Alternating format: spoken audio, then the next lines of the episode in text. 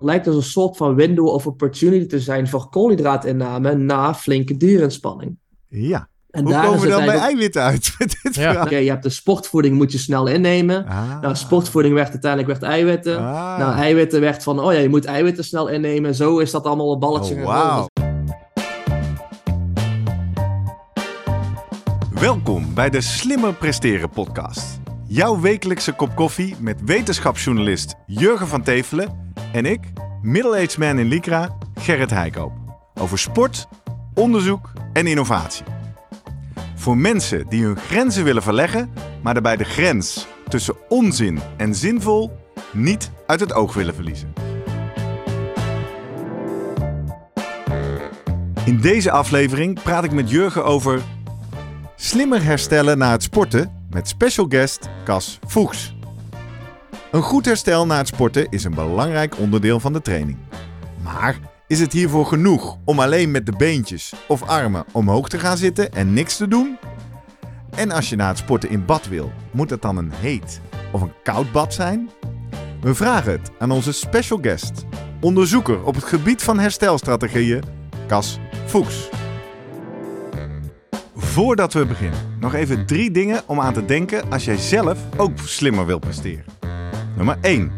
Druk nu gelijk even op abonneren, zodat je altijd direct in de gaten hebt wanneer er een nieuwe aflevering online komt.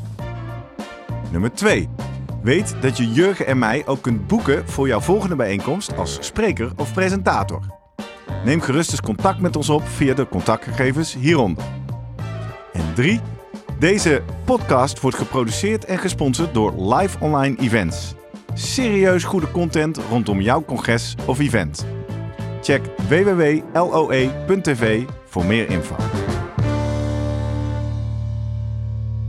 Jurgen! Hey Gert, Goedemorgen. goedemorgen. Op de dag dat deze aflevering uitkomt is het de laatste dag van de voorjaarsvakantie in 2023. Mhm.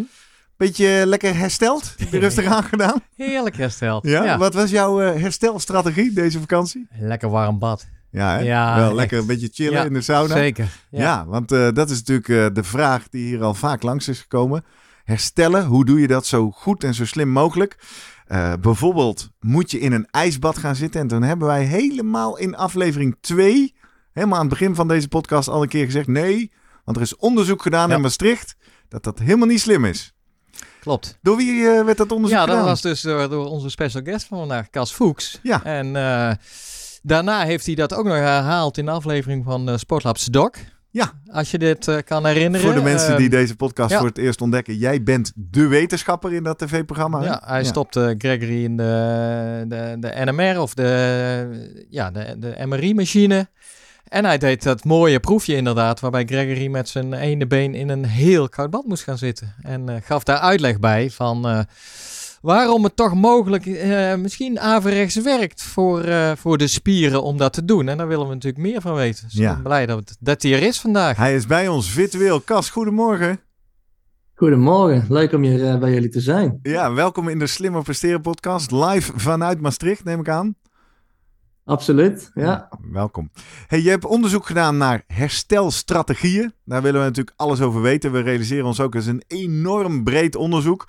eh, of een, een- breed eh, onderwerp, moet ik zeggen. Dus laten we maar eens eh, beginnen met de afkadering van jouw onderzoek. Herstelstrategieën, wat is het en, en waar heb jij onderzoek naar gedaan? Ja, terecht wat je al zegt, dat is heel breed. Dus ehm, herstel is dusdanig breed dat, dat in, mijn, in mijn onderzoek heb ik eigenlijk maar een paar aspecten eruit gelicht. Ja. En dat zijn specifiek, om het ehm, ehm, even kort uit te leggen. eh, ja, ik ben met name geïnteresseerd in spierfysiologie. Dus kijken wat gebeurt er eigenlijk in de spieren na herstel. Herstel kan natuurlijk op hele andere vlakken, cardiovasculair, eh, via je eh, zenuwstelsel, et cetera. Maar ik focus me dus vooral op de spieren.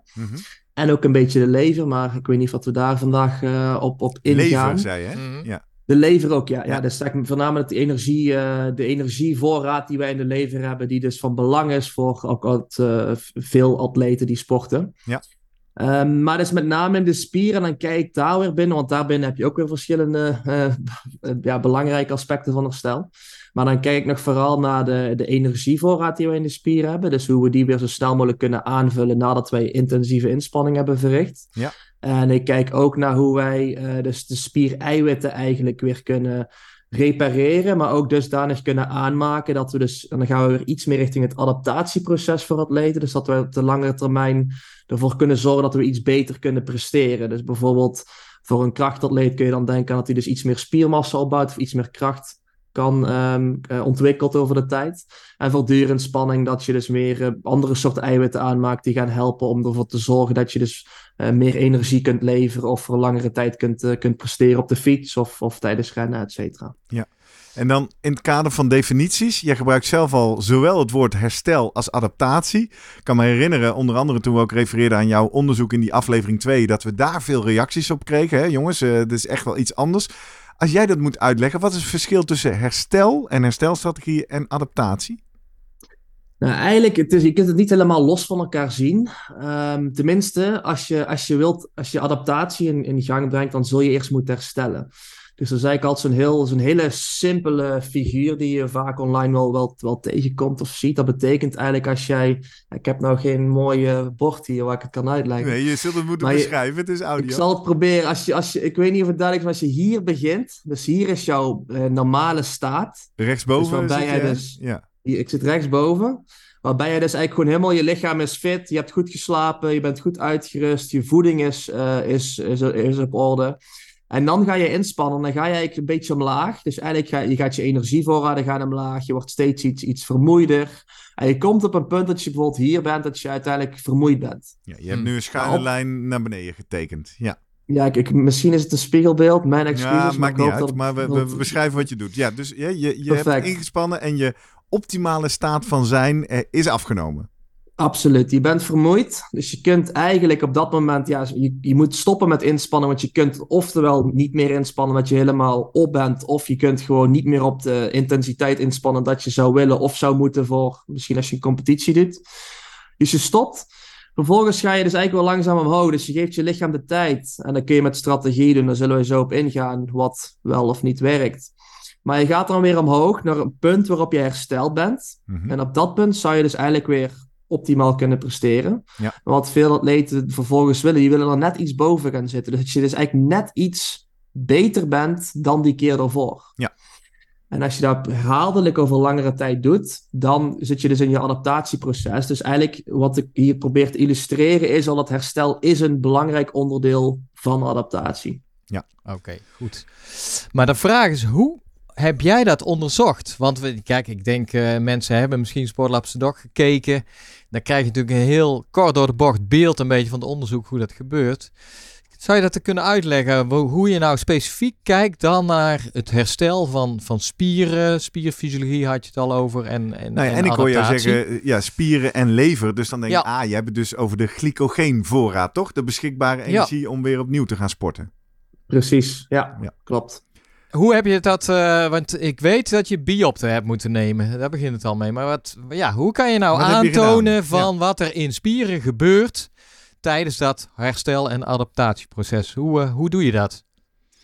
Nou, dat zal ik uitleggen. Dus, uh, ja, je kunt, wat ik dus zei, ik heb naar glycogeen ook gekeken. Dus dat kan ook met biopten. Daar kan ik dadelijk ook nog wel iets over uitleggen. Mm -hmm. want dat kan namelijk ook met een, met een MRI-scan. Dat, dat doe ik ook. Uh, dat is non-invasief, maar daar kom ik zo op terug. Mm. Uh, misschien eerst het stukje uh, eiwitsynthese, wat wij, wat, hoe we het eigenlijk noemen. Wat eigenlijk dus betekent dat wij dus kijken naar het proces van eiwitaanmaak in onze spieren. En die is dus van belang, bijvoorbeeld om dus uiteindelijk meer eiwitten daar te krijgen, om dus die spieren sterker of groter te kunnen maken. Maar ook om dus beschadigde eiwitten die dus door middel van training beschadigd zijn, ook weer te kunnen repareren of herstellen. Dus wat je krijgt, we moeten die nieuwe eiwitten aanmaken ons lichaam. Maar dat gebeurt continu. Dat is een continu proces wat eigenlijk altijd in gang is gebracht. Alleen er zijn bepaalde manieren hoe we dat iets kunnen uh, bespoedigen. Bijvoorbeeld door, door voldoende eiwitinname tijdens de dag. Uh, maar hoe meten wij dat nou specifiek? We meten dat met wat wij noemen tracers. En wat wij dus eigenlijk doen, en we hebben verschillende manieren, maar ik ga er eventjes de eerste eventjes kort uitleggen, de meest um, veel voorkomende. Wat wij doen, we vragen proefpersonen naar ons laboratorium te komen. En vervolgens sluiten wij een, een zak met gelabelde aminozuren aan op die personen. Dat is eigenlijk een infuus. En die gaat op een bepaalde snelheid continu komt die in het lichaam terecht. Nou, die gelabelde aminozuren, wat betekent dat nou eigenlijk? Dat zijn precies dezelfde aminozuren die wij ook al in ons lichaam hebben. Alleen ze zijn net ietsje zwaarder. Dus als wij herhaaldelijk bloedsamples afnemen tijdens de dag, dus bloedmonsters, of we zouden een paar spierbiopten tijdens de dag afnemen, dan kunnen wij dus het verschil zien tussen dat specifieke aminozuur dat al in ons lichaam zit en hetgene wat wij uh, infunderen, dus met, met het infuus. Mhm. Nou, voor de personen maakt het niet uit, want het zijn stabiele isotopen, zoals wij het noemen. Dus eigenlijk, uh, die, die, die, die, die werken precies hetzelfde als het aminozuur wat al in ons lichaam zit. Alleen wij kunnen dus... Je kan ze herkennen. Later. Wij kunnen ze herkennen, precies. En dat maakt voor ons interessant. En um, dat doen wij dus. Dus we laten mensen in ons lab komen. En dan kunnen wij zo'n infuus aansluiten. We nemen dan bloedmonsters af, herhaaldelijk, om dus te kijken hoeveel van, dat, uh, van, van die labels, hè, van, die, van die gelabelde aminozuren, komen in ons bloed, in onze bloedbaan terecht. En vervolgens ook, als wij een aantal spierbiopten afnemen, kunnen wij dus ook precies zien uh, hoeveel daarvan zijn nou daadwerkelijk ingebouwd in de spier over tijd. Dus als wij dan bijvoorbeeld op tijdspunt, ik noem het even simpel, 0 en tijdspunt 3 uur dan een, een spierbiop pakken, kunnen wij precies zien hoeveel in, die, in dat 3 uur tijdsbestek, hoeveel van dat aminozuur is ingebouwd in onze spiereiwitten. En daarmee kunnen we... Toch één stap om het goed te begrijpen. Je wil mm -hmm. die gelabelde aminozuren ingebouwd zien, want dat is een, een, een teken van herstel. Als die, als die aminozuren worden opgenomen in die spieren, dan is die spier zich aan het herstellen. Begrijp ik dat goed? Ja, en dat is eigenlijk dat dat proces gaat, dat loopt dus eigenlijk continu door. Alleen ja. dus als jij in een herstelfase zit, dan wil je dus eigenlijk ervoor zorgen dat dat dus weer op relatief snelle tijd weer, ja. weer gebeurt. En dan zou je dus kunnen gaan meten als je een bepaalde interventie doet en je ziet opeens meer van die gelabelde aminozuren ingebouwd, dan zou je kunnen zeggen, hé hey, kijk, herstel is nu versneld. Absoluut, ja. Helder. Ik denk dat een aantal luisteraars zullen zeggen: hey, biologie ooit gehad, actine, myosine. Uh, zijn dat dan de belangrijkste eiwitten waar we over praten? Of is het, het kunnen nog veel meer spiereiwitten zijn? Uh, er kunnen er veel meer zijn, maar met name dat zijn wel de contractiele eiwitten. Dus de eiwitten die hè, bijvoorbeeld uh, mensen in de sportschool, maar ook fietsers trouwens, die continu contractie hebben in de spieren. Dus, hè, als je dus dat gebeurt er continu in de spieren als je ze samentrekt. Mm -hmm. En die eiwitten zijn dus wel heel, heel veel voorkomend. En dus ook zeker wel heel belangrijk, inderdaad, uh, om, uh, om, te, om te herstellen. Want dat zijn ook vaak, er zijn er meer overigens wel, maar dat zijn ook wel vaak eiwitten die bijvoorbeeld beschadigd kunnen raken. En die dus weer opnieuw moeten worden gerepareerd. Ja. Om dus weer optimaal te kunnen presteren. En eigenlijk zeg jij hoe sneller de opname. Dat is eigenlijk een marker van hoe sneller het herstel of de adaptatie, hoe sneller de, de, de aminozuren worden opgenomen, ingebouwd in die spier. Dat is eigenlijk ja, de, de, de stap die belangrijk is voor ja, de snelheid van spierherstel. Ja, je wil dat inderdaad dat proces optimaal hebben lopen. Ja. En uh, ja, maar er zijn de strategieën, nogmaals, daar zullen we zo denk ik op ingaan. Ja, nou, maar ga er maar op in, want, want je hebt uitgelegd, zo kan ik het meten en kan ik zien ja. wat er verandert. Nou, wat, wat ging je doen met die proefpersonen? Wat ging je testen? Nou, we hebben verschillende dingen onderzocht. Bijvoorbeeld gekeken naar eiwitten, uh, verschillende eiwitten, hoe dat die daarop reageren. Maar ook misschien leuk om te beginnen met het uh, koud waterbad. Laten Daar is we nu al uh, kort, over, kort over gegaan. Uh, want wij waren, en ja, ik en mijn collega's waren eigenlijk vooral geïnteresseerd. Heel veel atleten gebruiken een ijsbad na inspanning om te herstellen. Ja. En um, nou, er zijn ook er zijn ook redenen voor om dat te doen. Hè. Het zou bijvoorbeeld wat een soort van verdovend effect kunnen, krijgen, kunnen geven. Dat is ook logisch. Als je je vinger verbrandt, uh, verbrandt aan de plaat, dan doet hem onder koude kraan, dan voel je hem ook minder pijn. Dus dat, hè, er zijn wel wat redenen te bedenken waarom een koud waterbad een onder bepaalde um, omstandigheden zou kunnen werken.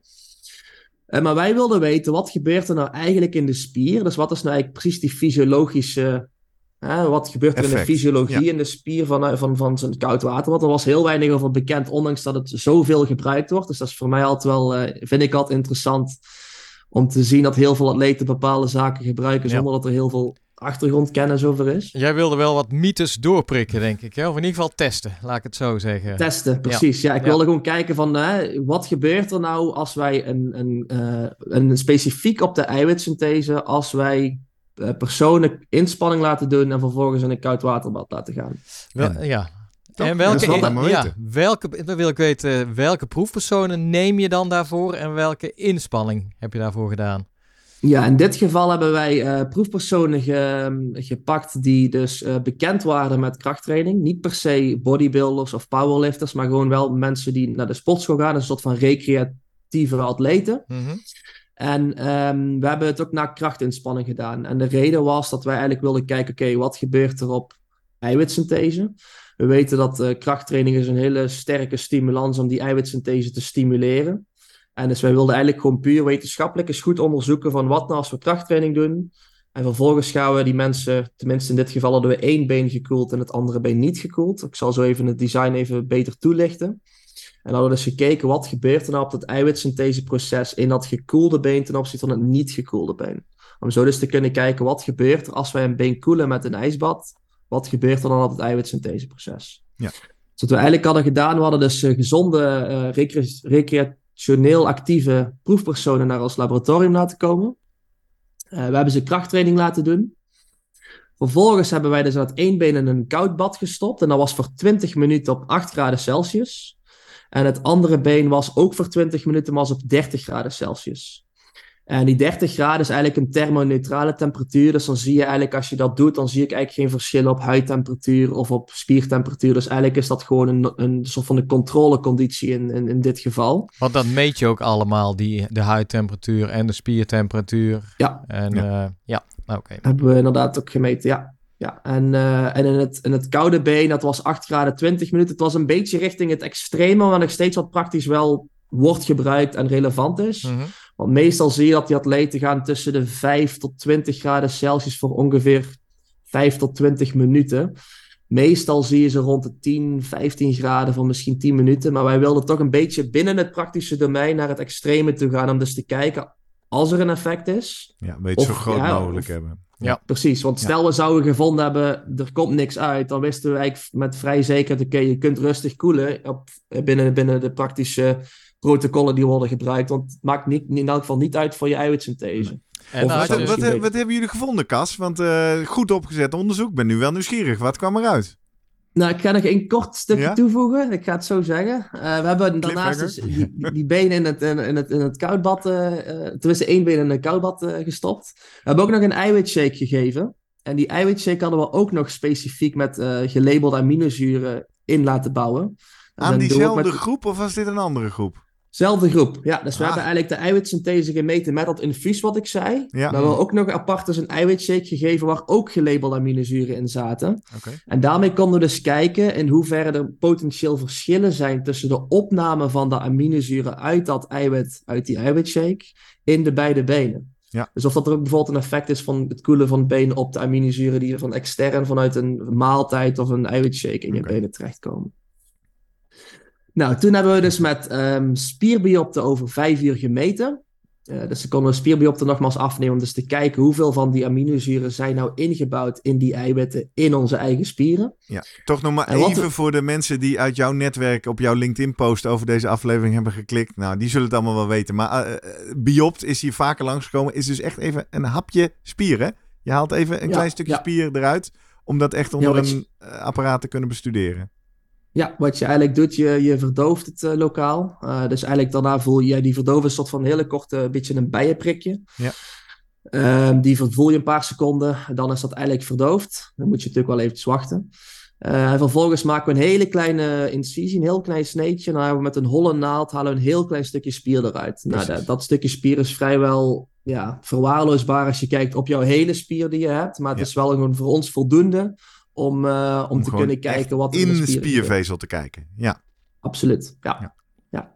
En toen, wat zag je? Wat we, wat we vonden was, was heel interessant. Uh, dus nogmaals, wat, wat uh, Jurgen net ook al zei, we hebben dat ook nog de temperatuur en alles gemeten. Dus we zagen sowieso een duidelijke daling in de spiertemperatuur in het, in het koude been. Zowel op de huid als in de spier. maar als we echt gingen kijken naar de spier, spieren zelf, dus naar de, naar de biopten die we hadden genomen, zagen wij een lagere eiwitsynthese in het been dat gekoeld was ten opzichte van het been dat niet gekoeld was. Dus eigenlijk zie je het omgekeerde van wat je zou willen bewerkstelligen. Je ziet eigenlijk in plaats van dat je het, het, het proces versnelt, zie je eigenlijk dat je het vertraagt. Ja. Mm. En dus je om hoeveel, een lagere ja, eiwitsynthese. Om hoeveel verschil gaat het dan? Dat was zo rond de 20% Oké, okay. ja. Dus dat is best behoorlijk. Ja. Um, maar dan we dus ja, ook... vraag ik me meteen af. En zie je dat dan ook terug in de spierkracht? Bijvoorbeeld in ja, hebben die mensen dan uiteindelijk, merk je dan dat de spierkracht zich minder snel herstelt, of misschien uiteindelijk niet volledig herstelt, of die overcompensatie gaat krijgen? Heb je dat ook nog meegenomen? Kom ik zo op terug. Maar dat is wel een hele goede terechte vraag. Want er zal natuurlijk. Dit is allemaal acute studies, maar we het ook kunnen vertalen naar de langere termijn. Want Ja. voor de mensen, ja, of daar de spiereiwitsynthese, dat zal voor veel mensen niet heel veel uitmaken. Nee. Die willen gewoon weten, gaat mijn kracht omlaag, gaat mijn massa misschien... Hè, dus, dus dat zijn, zijn er daar nadelige effecten voor. Mhm. Maar een hele goede vraag, daar kom ik zo op terug. Dat is goed. Want ik, ehm, ik ben altijd heel enthousiast als ik hierover praat. Dus ik wil ook nog even zeggen, hadden ook die eiwitshake Wij ook. gegeven. Ja, ja, ja. Wat zag En, je en daar? daarin, daarin vonden wij dus ook dat minder van die aminozuren uit die eiwitdrank was ook daadwerkelijk in die spieren ingebouwd. Dat was dus ongeveer zo'n 25, 26 procent. Ah, ja. Dus je, je, Eh, als we dan toch heel Ja. nitty-gritty uh, haar vlooien, dan ben ik nog wel even benieuwd als je zegt 20% minder. Als in, gaat het 20% langzamer en, en uiteindelijk komt het er wel? Of, of kwam die 20% eiwitten al, eh, komt het überhaupt niet in de spier terecht? Ja, dat is een goede vraag, wa- want we meten, eh, we, maat, we hadden het in dit geval alleen over vijf uur gemeten. Precies, dat We hebben- ik, ja. We hebben ook nog over twee weken gemeten, dus dan kun je iets meer dat Ja. soort vragen gaan, gaan beantwoorden. Ehm, daar in het kort vonden wij eigenlijk ook, dat was 12% Hm. lager in het been, wat herhaaldelijk. Dus misschien even kort, we hebben dus los van het acuut experiment ook nog een twee week experiment gedaan. Dus we hebben die mensen nog een aantal keer naar ons laboratorium laten komen. Dezelfde krachttraining laten doen, wel progressief. Dus dat is wel dat we kijken, oké, als, ze, als ze nou zoveel herhalingen kunnen, gaan we dus de volgende sessie weer iets omhoog. Dat ze wel echt Ja. progressief trainen. En na elke inspanning hadden we precies hetzelfde protocol toegepast. Ook weer 20 minuten dat een- het ene been, dus hetzelfde been, continu in een koud waterbad gestopt. En het andere been in het thermoneutrale waterbad. En met een andere manier van, van tracen. Dus dan kunnen we dus ook, ja, wat noemen wij gelabeld water. Dus je kunt eigenlijk gewoon water drinken elke dag een klein beetje, wat ook weer gelabeld is. Dus met bepaalde manieren kunnen wij dan dus weer meten over twee weken wat er gebeurt met terecht? eiwitsynthese. Ja. Precies.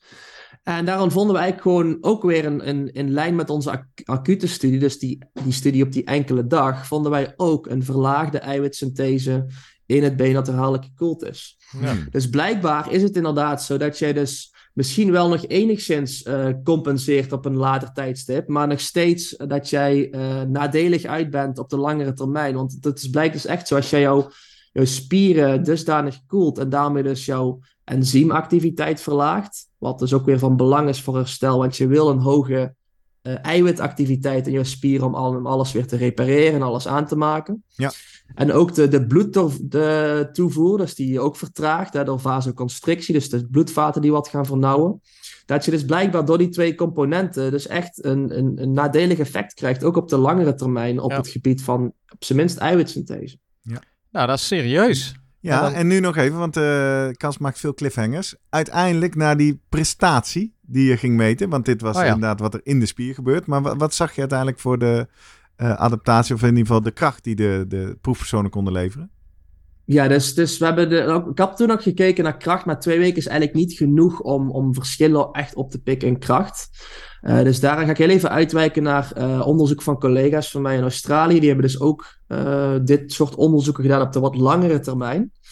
Ehm, en wat je daar ziet, bijvoorbeeld er is een hele goede studie die heeft gekeken over 12 weken. Hebben ze ook gewoon getrainde mannen, in dit geval, ehm, langs laten komen elke week.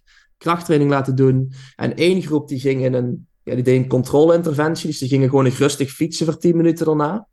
En die andere groep, wat die deden, die gingen dus eh, 10 minuten in een ijsbad van 10 graden Celsius. Mhm. En na 12 weken hadden ze dus met de MRI-scan, dus eigenlijk de beste methode om spiermassa te bepalen, hadden ze gekeken naar wat zijn nou de verschillen tussen die twee groepen in de toename in spiermassa. En ze hadden ook krachtmetingen gedaan met, met NRM's eh, eh, voor de benen in dit geval. Wat vonden ze nou? Eh, eigenlijk ook weer heel mooi in lijn met onze acute bevindingen. Dat je eh, inderdaad je spiermassa daadwerkelijk remt. Als jij op langere termijn krachttraining doet en continu in een ijsbad gaat. En ook jouw spierkracht rem je af. Dus je, krijg, je, je krijgt wel wat spiermassa en je krijgt ook al wat winst in kracht. Alleen het is minder als jij continu in een ijsbad gaat. Ja. Ten Ja. opzichte van als jij... als je Conclusie, Kas, voor de praktijk. eh, herstelstrategie, ijsbad, koud water, niet doen. Algemeen waar. Voor krachtatleten zou ik het, eh, en me- specifiek met het doel kracht en, en spiermassa, zou ik het niet adviseren. Nee. Nee. Eh, er zijn wel wat, wat eh, maren nog aan, aan bijvoorbeeld andere vormen van inspanning. En potentieel als je andere doelen hebt. Ja, maar wat vertel eens, want, want iedereen kent natuurlijk de beelden van onze wielrenners in de Tour de France, die de volgende dag weer drie, vier uur intensief moeten fietsen, die allemaal met de benen in het koude water zitten. Ja, dat klopt. En dat is heel interessant. Voor dierenspanning zijn, is het nog, zijn er nog een aantal vraagtekens in de literatuur. Um, en dat komt met name doordat het, er zijn wat aanwijzingen, dat, dit gaat heel mechanistisch overigens, maar er zijn wat aanwijzingen dat als jij in een koudwaterbad gaat na, na, na een fietsinspanning, mm dat jij um, jouw mitochondriële biogenese, dus eigenlijk een soort van proces waarbij je dus meer mitochondriën kunt maken, of je mitochondriën efficiënter kunt maken, of de juiste eiwitten erin kunt inbouwen, dat dat verbeterd zou zijn. Maar dat is nogmaals vrij mechanistisch, niet, nog nooit echt direct gemeten. Wat betekent dat, Cas? Mechanistisch? Dat ze het op papier hebben nou, berekend of zo? Er, is, er zijn bijvoorbeeld wat, uh, wat, wat eiwitten in onze spieren, die, die, en als die, als die geactiveerd raken, dus als we die actief maken in onze spieren, dat, dat, dat lijkt erop te leiden dat we dus bijvoorbeeld bepaalde processen in gang kunnen, kunnen, kunnen zetten. Om het even zo simpel mogelijk proberen uit te leggen, er is een specifiek eiwit, dat, dat staat bekend als PGC1-alpha, misschien dat dat, hè, dat dat bij de, sommige luisteraars wel bekend is. Die zou, als die, als die actiever is, zou die kunnen leiden tot meer uh, of positieve effecten van je mitochondriën. Dus potentieel de aanmaak van meer mitochondriën, of de bestaande mitochondriën wat efficiënter kunnen maken. En die zijn dan weer van belang, die mitochondriën, om dus energie te kunnen leveren aan de spieren. Ja. Um, dat lijkt geactiveerd te zijn. Uh, maar mijn vraag zelf nog steeds is heel erg van... oké, okay, PGC1-alpha, dat reageert ook op stress in het algemeen. Nou, koelen van de spieren is een stressrespons. Uh, dus ik vraag me af of dat ook echt daadwerkelijk gaat leiden tot meer mitochondriën. Want dat specifieke aspect is nooit onderzocht. Nee. Dus ook heel moeilijk te onderzoeken. Ja. Maar dat weten we niet. Ook wat langere termijn studies, die hebben gekeken als we nou bijvoorbeeld fietsers tijdens een soort van een uh, simulatietour van vier weken of iets dergelijks uh, herhaaldelijk in een koudbad laten gaan, zien we geen duidelijke voordelen. Ja. Ook niet zozeer nadelen wat je ziet met de krachtatleten, uh, maar ja. niet duidelijk echte voordelen. Ja, precies. Want uh, die hebben. Ik heb in de aanloop hier naartoe toch even nog even wat literatuur even zitten scannen op PubMed. En ik kwam inderdaad een review tegen. Die eigenlijk zei ja voor krachttraining. Dus daar, daarin zijn eigenlijk. Um, uh, en met meta-analyse. Alle bestaande studies op een hoop gegooid. En dan onderscheid gemaakt tussen krachttrainingsprotocollen versus duurtrainingsprotocollen. En die zei ja, voor krachttraining is inderdaad koude geen goede herstelstrategie. Uh, voor de duurtraining, ja, eigenlijk maakt het niet uit. Het was ook niet dat het wel bevorderlijk zou zijn. Dus ik denk dat voor de, de waarschuwing een beetje voor de luisteraars die veelal toch duursporters zijn bij ons. Ja. Dat het niet meteen moet zijn van, oh jee, uh, ik, ik mag niet meer na afloop, omdat ik het zo fijn vond, in, die, uh, in het koude bad gaan stappen. Maar is goed dat ja, je aangeeft dat die discussie nog gaande is. Ja. Voor krachttraining, nou, is vrij duidelijk nu eigenlijk niet doen dus. Ja. Duursport zeggen jullie allebei, hoor ik, lijkt niet uit te maken. En dan komen we bij stap 3, wat we dan in aflevering 2 ook bespraken uit Good Go. Als het jou een goed gevoel geeft, Mhm. of je voelt je er mentaal sterker door, of als je zegt je krijgt er een kick van, dan kun je het wel doen. Ja, en dan inderdaad, en dan moet je dus heel erg bij jezelf afvragen, wat is je doel? Ja. Um, ik, ik, ik heb altijd wel een mooi voorbeeld. Ik, ik hoor wel eens van mensen die soms zeggen van, en is dan bijvoorbeeld koud douchen of in een, in een, in een koud bad, uh, vlak voor het slapen gaan. Nou, dat is ook vrij anekdotisch. Uh, maar ze zeggen wel dat ze dus blijkbaar beter slapen. Nou, ik zeg, als jij beter slaapt, en normaal slaap jij misschien niet zo goed, maar als je je het dus doen, beter...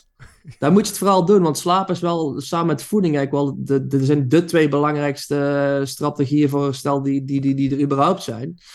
Dus als, jij, als je indirect er een voordeel van kunt hebben, dan zeker doen. Of als je zegt van ik, ik, ik verlaag mijn spierpijn en daardoor slaap ik beter, want dan zit ik niet met, met enorme pijn in mijn benen. Ik noem maar even iets. Ja. Mm.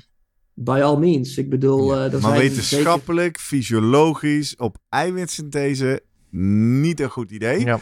absoluut. Jij zegt al voeding en slaap. Je noemde al even in jouw studieopzet, ik gaf ze ook een eiwitshake. Eh, ik hoor op diverse plekken het befaamde eiwitwindow. Wordt natuurlijk al vaker weggewoven als fabeltje. Maar ik, eh, heb je daar ook naar gekeken? Of je nou inderdaad eh, een bepaald window of opportunity is om met voeding iets te doen als herstelstrategie? Dat, ja, ik zelf niet, maar wel collega's van mij. Ik ken de literatuur wel. Ja. Dus voor, voor eiwitinname is het minder van belang. En dat, dat heeft ermee te maken, je moet gewoon zorgen dat je voldoende eiwitten tijdens Toch? de dag binnenkrijgt. Gedurende de dag in je normale dieet. Dat is wat we hier... eh, En hoeveel, hoeveel is dat inmiddels? En, eh, Om, om er even een heel simpel nummer aan te plakken, zitten we nu voor mensen die, die, die flink inspanning doen, hè, dus de mensen die, die sporten, dat zal ook de luisteraars hier zijn, uh, zit je ongeveer te denken aan zo'n 1,6 gram per kilogram lichaamsgewicht per dag. Dus dat mm -hmm. kan iedereen dan voor zijn eigen lichaamsgewicht even berekenen. Ja.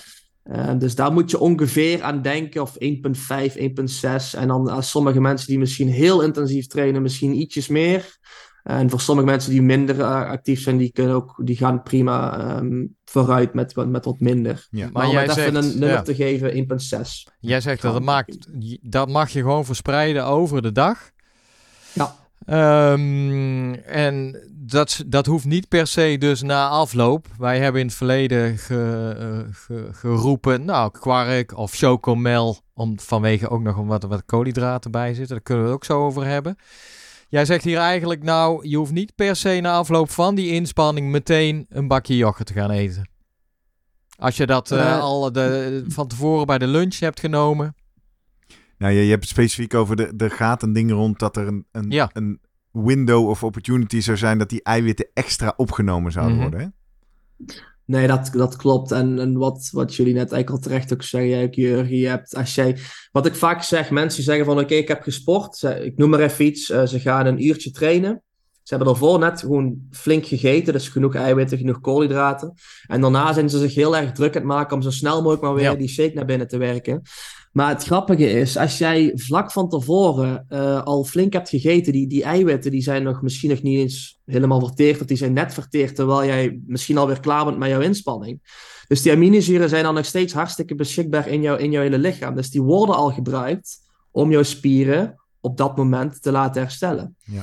Dus als je daarna meteen weer een eiwitshake pakt, dat is, dat heeft- ja, dat is helemaal niet nodig, want je hebt die aminozuren Ja. al beschikbaar van jouw vorige maaltijd. Er is genoeg aanvoer op dat moment. En, eh, Precies. Stel je zou Ja. zeggen van ik ga vijf uur lang buiten iets eh, flink inspanning doen en ik heb daarvoor al eh, een uur daarvoor pas gegeten, dan zou ik zeggen, dan, dan kun je wel wat voordeel hebben van, van het extra eiwit. Maar het is heel contextafhankelijk. Ja. Ja. En mensen denken vaak ik heb gegeten en dat je daarna meteen weer in een fase bent dat alles weer is opgenomen door je lichaam. Maar dat is altijd een heel proces, het duurt altijd eventjes voordat het daadwerkelijk in je lichaam terechtkomt op de plekken waar het terecht zou, nou, waar je terecht zou willen, willen dat het, zou wil dat het terecht komt.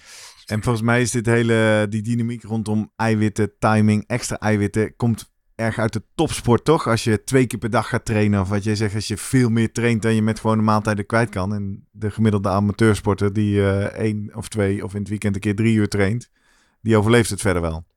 Absoluut. Ja. En het, het is ook misschien wel grappig, heel kort nog, dat window of opportunity die kwam onder andere van een studie van eh, eind jaren 80. Daar hebben ze, toen was deze heel veel koolhydraatonderzoek met name, dus ook heel veel in, in, in fietsers.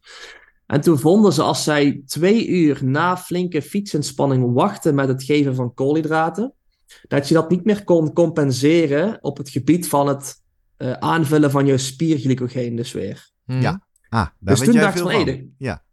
Ja, dus er lijkt dus, dachten ze, dat, of dat- tenminste dat liet de studie eigenlijk zien, er lijkt dus een soort van window of opportunity te zijn voor koolhydraatinname na flinke duurinspanning. ja. En Hoe daar komen is we dan bij eiwitten uit met dit Ja. verhaal? Nou ja, dus, dus toen werd, oké, dus, dus toen werd dus al snel een stap gemaakt, om het even heel, heel simpel eh, te, te vertellen nu, oké, je hebt de sportvoeding, moet je snel innemen. Ah. Nou, sportvoeding werd uiteindelijk werd eiwitten. Ah. Nou, eiwitten werd van, oh ja, je moet eiwitten snel innemen. Zo is dat allemaal een balletje Oh, gaan rollen. wauw. Er zijn- Dit Maar vind ik dus wel een mooi met- stukje historische context, eh Cas. Vind ik een verrijking voor onze podcast. Maar ja, en het roept bij mij de vraag op: hé, hey, maar is die window of opportunity voor koolhydraten er dus wel? Dus daar heb je ook naar gekeken natuurlijk. Hoe zit dat? Ja, dus, dus daar lijkt het wel nog steeds ook aan de hand van dat, dat onderzoek. Eh, Mhm. wel een hele mooie studie, moet ik zeggen. Dus eh, vaak denken mensen nieuwe studies zijn van belang, maar oude studies, ja, dat is allemaal oud. Maar nog steeds zijn hele mooie studies die wat langer geleden zijn, die nog steeds heel bruikbaar en nuttig zijn. Eh, maar die liet eigenlijk wel zien dat je inderdaad ehm, ehm, niet kunt compenseren als je echt lang wacht met koolhydraat. Eh, in, inname. Moet ik wel weer bij zeggen natuurlijk, als je lang genoeg wacht en lang nog de tijd, dan vul je ook weer je spieren aan. Maar sommige atleten, zeker tijdens de Tour de France of de Giro of de Vuelta, die hebben natuurlijk maar een hele korte periode van herstel voordat ze die dag daarna weer op de fiets moeten stappen. Mhm. En dan wil jij zeker, ehm, zeker optimaal gebruik maken van jouw voedingsmomenten. En ook dus meteen na inspanning dus ervoor zorgen dat jij die suikerdrank of die, die pasta maaltijd of wat je dan ook, wat ze ook eten, zo snel mogelijk binnenkrijgt. Want dan heeft het dus wel echt een, een meerwaarde. En je schetst ook uit die studie een inspanning van drie uur, zei je geloof ik. Hè? Dus dat zijn ook inspanningen waar de glycogeenvoorraad ook leeggetrokken is. Dus die moet dan natuurlijk ook zo snel mogelijk aangevuld worden. Absoluut. Ja, zeker tijdens de tour. En eh, de, ja, dan, dan, ook al drinken ze tijdens, tijdens de etappes natuurlijk ook. Ze eten ook het een en ander. Maar je gaat echt die glycogeen flink aanspreken op die dusdanige intensiteit die ze fietsen. En ook die, die tijd waar ze op lang, hoe lang ze op de fiets zit. En mogen we dus dat dan naar onze wereld van amateursporten voor trainingen van twee uur of langer ook van toepassing verklaren, toch? Als je dat soort lange duurtrainingen gaat doen, ga dan maar snel aan de koolhydraten. Ja, als jij uh, intensief, op intensieve, uh, hoogintensieve, um, ja, hoogintensief oh traint of, of fietst, zeker. Daar ja. heeft er wel heel wat mee te maken. Ja. En dat is afhankelijk van hoe snel jij daarna weer optimaal moet presteren. als dus je daarna drie dagen niks hebt, dan, is het, dan, dan vul je het oh. zo ook weer aan. Ah, nee, ik vind wel, um, dus die hersteldrank, die moet met name dan, als je wil herstellen snel, optimaal koolhydraten bevatten. Geef je aan, uh, misschien belangrijker dan eiwitten. Um, denk wel goed om uit te leggen, daar heb je ook onderzoek naar gedaan, welke koolhydraten dan precies. Hè? Wij hebben namelijk in het verleden veel gehad over de koolhydraten die je inneemt tijdens de inspanning. Ja. Waarbij we dan uitkomen bij die glucose-fructose mix te maken met opnamescapaciteit en dan die uh, transporters in de darmen hebben we het over gehad. Maar jij hebt ook zoiets onderzocht, volgens mij juist voor het herstellen, dat daar de mix waarschijnlijk ook belangrijk is. Kun je daar wat meer over vertellen? Ja, absoluut. Leuk zelfs. um, ja, we hebben dus, dus, dus ook gekeken naar wat gebeurt er na inspanning. Want inderdaad, precies aan de hand van die studies, ook vanuit Asker heeft, Asker Jeukenrap heeft er mhm. heel veel, heel veel werk naar gedaan. Uh, in het verleden met, met kijken naar wat, hè, wat is nou de optimale hoeveelheid kool, of de optimale combinatie van koolhydraten tijdens inspanning. En inderdaad, uh, het, het, heeft met name, het lijkt met name te maken met de opname vanuit de darmen. Dus dan heb je dus een voordeel van die mix met glucose en fructose. En wij waren dus benieuwd, nou als dat dus zo is, dus als jij meer kunt opnemen van koolhydraten als je ze mixt, wilden wij, kijk, heeft ook een voordeel na inspanning, want dan wil je dus nogmaals ook, zeker voor fietsers tijdens de Tour de France, die willen zo snel mogelijk alles in hun lichaam krijgen om te kunnen worden gebruikt en op te slaan in de lever en in de spier. Mm dus wij wilden kijken, wat nou als wij dus ook die mix geven, dus glucose met fructose, ten opzichte van alleen maar glucose, wat eigenlijk hele lange tijd de to-go-to sport, uh, sport uh, koolhydraat was, om het zo maar even te noemen. Um, en wat wij dan hadden gedaan, we hadden dus uh, sucrose gegeven in dit geval. Dat is eigenlijk gewoon heel simpel tafelsuiker, wat iedereen in de keukenkastjes heeft liggen. En sucrose bestaat voor 50% uit glucose en 50% uit fructose. Dus wij wilden kijken, als we dat nou geven, heeft dat een meerwaarde ten opzichte van alleen maar het geven van dezelfde hoeveelheid glucose. En wat we vonden uh, door meten van zowel de spier als de lever, en in dit geval hadden we het met, met scans gedaan, en dat zal ik zo misschien even kort uitleggen hoe we dat kunnen doen. Mhm. Ehm, vonden wij dat als jij uh, glucose of sucrose geeft na flinke intensieve uh, fietsinspanning, dat er geen verschil is op jouw spierglycogeen aanmaak. Maar jouw leverglycogeen aanmaak, of jouw, het herstel daarvan eigenlijk, dat gaat veel sneller, dubbel zo snel, als jij sucrose inneemt ten opzichte van glucose. Mhm. Nou, aangezien jij beide energiebronnen gebruikt tijdens intensieve inspanning, dus zowel je haalt het uit je lever om hè, naar de spieren te transporteren, en in de spieren natuurlijk vanzelfsprekend dat het daar al direct nodig is ook, um, heb je een meerwaarde als je, als je korte tijd om te herstellen door die mix te pakken van die glucose met fructose, oftewel in dit geval in de vorm van sucrose, ten opzichte van glucose. En Kas, help me dat even vertalen naar mijn keukenkastje. Is uh, pure glucose dan gewoon uh, pasta boterhammen? Of, uh, en, en, en tafelsuiker inderdaad gewoon een, een boterham met een kwak suiker erop? Of wat, wat voor voedingsmiddelen heb ik het over? Ja, tafelsuiker zijn eigenlijk de suikerklontjes. En dat eigenlijk vaak al die zakjes die je ziet overal bij, bij de koffie bijvoorbeeld. Ja, maar letterlijk die ehm, suiker neem je dan in na inspanning? Dus Precies dat, ja. Dus we hebben echt gewoon letterlijk gewoon suiker gepakt. Gewoon een normale suiker, die ook gewoon de kristalsuiker die je Hoe neem je dat dan in? Toch niet gewoon een paar uh, happen uh, suikerklontje in je mond? Nee, die hadden, die hadden we opgelost in een bidon. Dus eigenlijk, oh, uh, dat is ook vaak wel heel makkelijk. mensen kopen vaak sportdrank en dat is prima. dure bussen, mooie merken. lekker. Ja. Maar je kunt hem ook gewoon in de keuken maken. Je kunt gewoon sucrose pakken, gewoon een, paar suikerklontjes en eh, dat oplossen in water. Dan moet je natuurlijk even een beetje de verhouding kijken, dat het, niet, dat het wel nog drinkbaar is en ook nog niet te, te, stroperig. Ehm, maar dat kun je pakken en dan eventueel wel dan nog een beetje een, een smaakstofje aan toegevoegd. Dus eigenlijk verder zitten geen uh, calorische waarden of iets Mm, dergelijks, maar puur om de smaak wat, wat lekkerder te krijgen. En nog wat zouten, dus NaCl, dus eigenlijk gewoon keukenzout, om dus ook ervoor te zorgen dat jij... Je hebt Eh, gewoon ORS staan maken. Beetje zout, beetje suiker. Want, want hoeveel suiker moet ik dan pakken na zo'n training? Eh, nou, dat hangt, ja, dat, is, dat, dat is altijd, zijn altijd de leuke vragen. Eh, dat hangt er dus heel erg vanaf. Hoe lang heb je getraind? Ehm, Hoe We, intensief we doen heb je even de, de duurtraining van twee uur. Hè? Amateur, vrij intensief, twee uur getraind. Kom thuis, la la la. Keukenkastje in. Ik Bedoel, nee, maar ik wil meer. Is dit al bij twee suikerklontjes? Pak ik tien suikerklontjes? Pak ik een kilo suiker? Waar hebben we het over? Ja, wat, wat we meestal adviseren na, zeg even inderdaad gewoon zeggen, we hebben flink ingespannen voor een twee uur of misschien iets langer. Eh, wat we meestal zeggen, als jij dus weer optimaal wil herstellen voor die suikervoorraden, moet je denken aan ongeveer zo'n 1 tot 1,2 gram per kilogram lichaamsgewicht per uur. Ja. Over Ja, een ja. uur of 4, 5 ongeveer. Na de inspanning je- nog.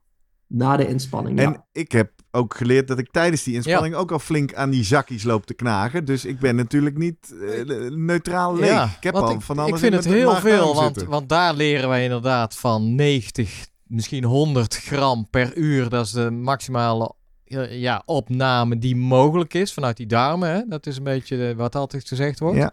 Maar jij Mhm. zegt dus nu na afloop, nou ga daar nog maar uren mee door Ja, eigenlijk. dat is zo. Hè? Je zou eigenlijk dus nog steeds even drie, twee, drie uur na die training Ja. nog steeds zoveel koolhydraten blijven eten. Ja, dus ik, ik heb het hier wel Voor nou echt optimaal over de... snel herstel. Hè? Ik heb je door. Dat is wat we aan het doen zijn. En ook over echt goed getrainde fietsers. Als Ja. jij amateur bent, eh, dan is sowieso vaak al die 90 gram per uur tijdens inspanning al niet, niet echt, ook vaak niet nodig. Ja. Eh, dat is echt voor de, voor de mensen die dus echt continu op enorm hoge intensiteit kunnen blijven fietsen en ook voor langere tijd dat vol kunnen houden. Dus ik heb het echt over de hele goede fietsers. Mhm. Ja. Mhm. Voor hun is het interessant om te denken aan die 90 tot 100 gram per uur. Ja. Voor, ehm, voor amateurfietsers, ehm, die kunnen ook vaak met 60 gram. Dan zit, je, dan zit je ook al goed. Die hebben die extra suikers vaak niet nodig. Hetzelfde geldt voor daarna. Ik heb het echt over de mensen die dus Ja. ook optimaal willen stellen, maar het ook echt weer die dag daarna weer maximaal moeten kunnen presteren. Als jij drie uur, drie, uur, drie dagen later nog steeds eigenlijk niks hebt of gewoon rustig aan een beetje buiten je ding doet, eh, met rustig fietsen, maar niks intensiefs, dan hoef je ook niet zo enorm... Nee, dat, dat- precies. Dat is goed om nog een keer te Ja. zeggen. Als jij gewoon drie keer in de week sport en één daarvan is een lange duur in het weekend, dan, eh, dan, dan moet je gewoon gezond eten. Ik zit te kijken naar mijn eigen protocol. Ik train nu bijna vijf, zes dagen in de week, eh, regelmatig twee uur. Maar joh, als ik denk aan die marathon van Rotterdam, dan moet ik moeite doen om drie van die zakjes per uur weg te krijgen. Dan Ja. zit ik dus op 75 gram per uur, Ja, wat, ja. wat echt al nokkie nokkie max is. Ja. En wat ik dan nu leer van jou, Cas, ik zou dan in dat soort intensieve weken dat eigenlijk nog eens een uurtje thuis even door moeten blijven doen. Dat zou slim zijn. Ja, maar Als jij de dag weer- erop ja. weer optimaal ja, als wilt ik, eh, trainen. als ik en, dus eh, ja. op zaterdag en op zondag twee Ja. intensieve trainingen heb Ja. staan, dan, dan zou dat slimme Ja, herstelstrategie, love Ja. the word, zijn. precies. Welke, welke Ja. andere herstelstrategieën moeten we het nog meer met je over hebben, Cas? Wat heb je nog meer onderzocht? Ik wou even nog Eh, één oh, jij vraag weet er terug. al Want ik Oh. was, nou, ik ben een beetje. Ik wil nog even doorgaan op dat suggereert dat dat fructose specifiek naar de lever gaat. Dat Ah, je die, ja. dus jouw, jouw resultaten, dat dat dus de meerwaarde eh, eh, los van het feit is dat er aparte transporters voor zijn in de darmen. Maar dat het eh, daarmee ja, sneller of nou ja, juist een voorkeur heeft voor het leverglycogeen aan te vullen. En dat de glucose dan meer richting de spieren gaat. Beetje kort door de bocht misschien, maar is dat het belang van fructose erbij nemen? Voor de lever met name? Absoluut. Wat, wat interessant is, is als jij naar glucose kijkt, dat, dat zal iedereen, iedereen kennen. Eh, het meest bekende, nogmaals, het meest bekende koolhydraat, die gaat vrij snel vanuit de lever, die kan in de lever worden gebruikt, maar gaat ook vrij snel vanuit de lever door naar de spieren. Dus als wij, als wij koolhydraten eten, gaat dat eerst via de lever en vervolgens komt het in je, de rest van het lichaam eigenlijk terecht. Ehm, fructose daarentegen, waar glucose dus goed kan worden opgenomen door de spieren en direct kan worden gebruikt om die, die glycogeen weer aan te vullen, is het bij fructose niet het geval. Dus fructose, dat, die, die, die kan maar heel beperkt worden opgenomen in de spieren en ook niet echt goed worden gebruikt daar. Dus wat met fructose eigenlijk gebeurt, in een hele kleine hoeveelheden al in jouw, in jouw darmcellen, maar met wat, wat, wat grotere uh, hoeveelheden in jouw levercellen, wordt fructose omgezet. Dus fructose wordt omgezet naar glucose, maar Mhm. ook naar lactaat. En zowel glucose als lactaat zijn er weer twee hele goede bronnen van energie, maar ook dus twee goede bronnen die dus kunnen zorgen voor glycogeenaanvulling. En het is zelfs zo, even wat iets misschien iets mechanistischer, als jij fructose, als dat in je levercellen terechtkomt, wat er eigenlijk gebeurt, is die zorgt ervoor dat een stukje extra glucose ook in de lever blijft hangen. En in de lever kan het worden gebruikt, dus zowel die extra glucose die blijft, als ook de fructose die zelf in de lever kan worden omgezet naar glucose. En zo dus ook weer kan worden gebruikt om te in te bouwen in de glycogeen in je lever. Oké. Maar nou weet ik, er zijn eh, wat collega's van jou in Maastricht die, die kijken op een hele andere manier naar fructose. eh, eh, bij niet-sporters met name, bij mensen die eh, juist eh, heel inactief zijn en eh, verhoogd risico bijvoorbeeld op, op diabetes. Fructose wordt altijd toch eh, genoemd als zijn de stof die je moet vermijden, omdat dat ja, lange termijn misschien volgens mij leververvetting en eh, in ieder geval hele Ja, vervelende ja. effecten heeft. Je hoort nu hoe dat komt, toch? Ja. Want het gaat enorm op die lever zitten. Ja, zeker. Toch, maar Kas? Of niet? maar eh, Ja. zoals Cas het eh, uitlegt, is het nou niet vervelend voor de Nee, lever. voor Maar- mensen die intensief sporten, hè? Maar Ja. even in de context plaatsen, want jij haalt nu opeens de inactieve erbij. Ja, oké, maar ja, dus ik wil dat nog even weten. Ja, waar ligt de grens precies, Cas?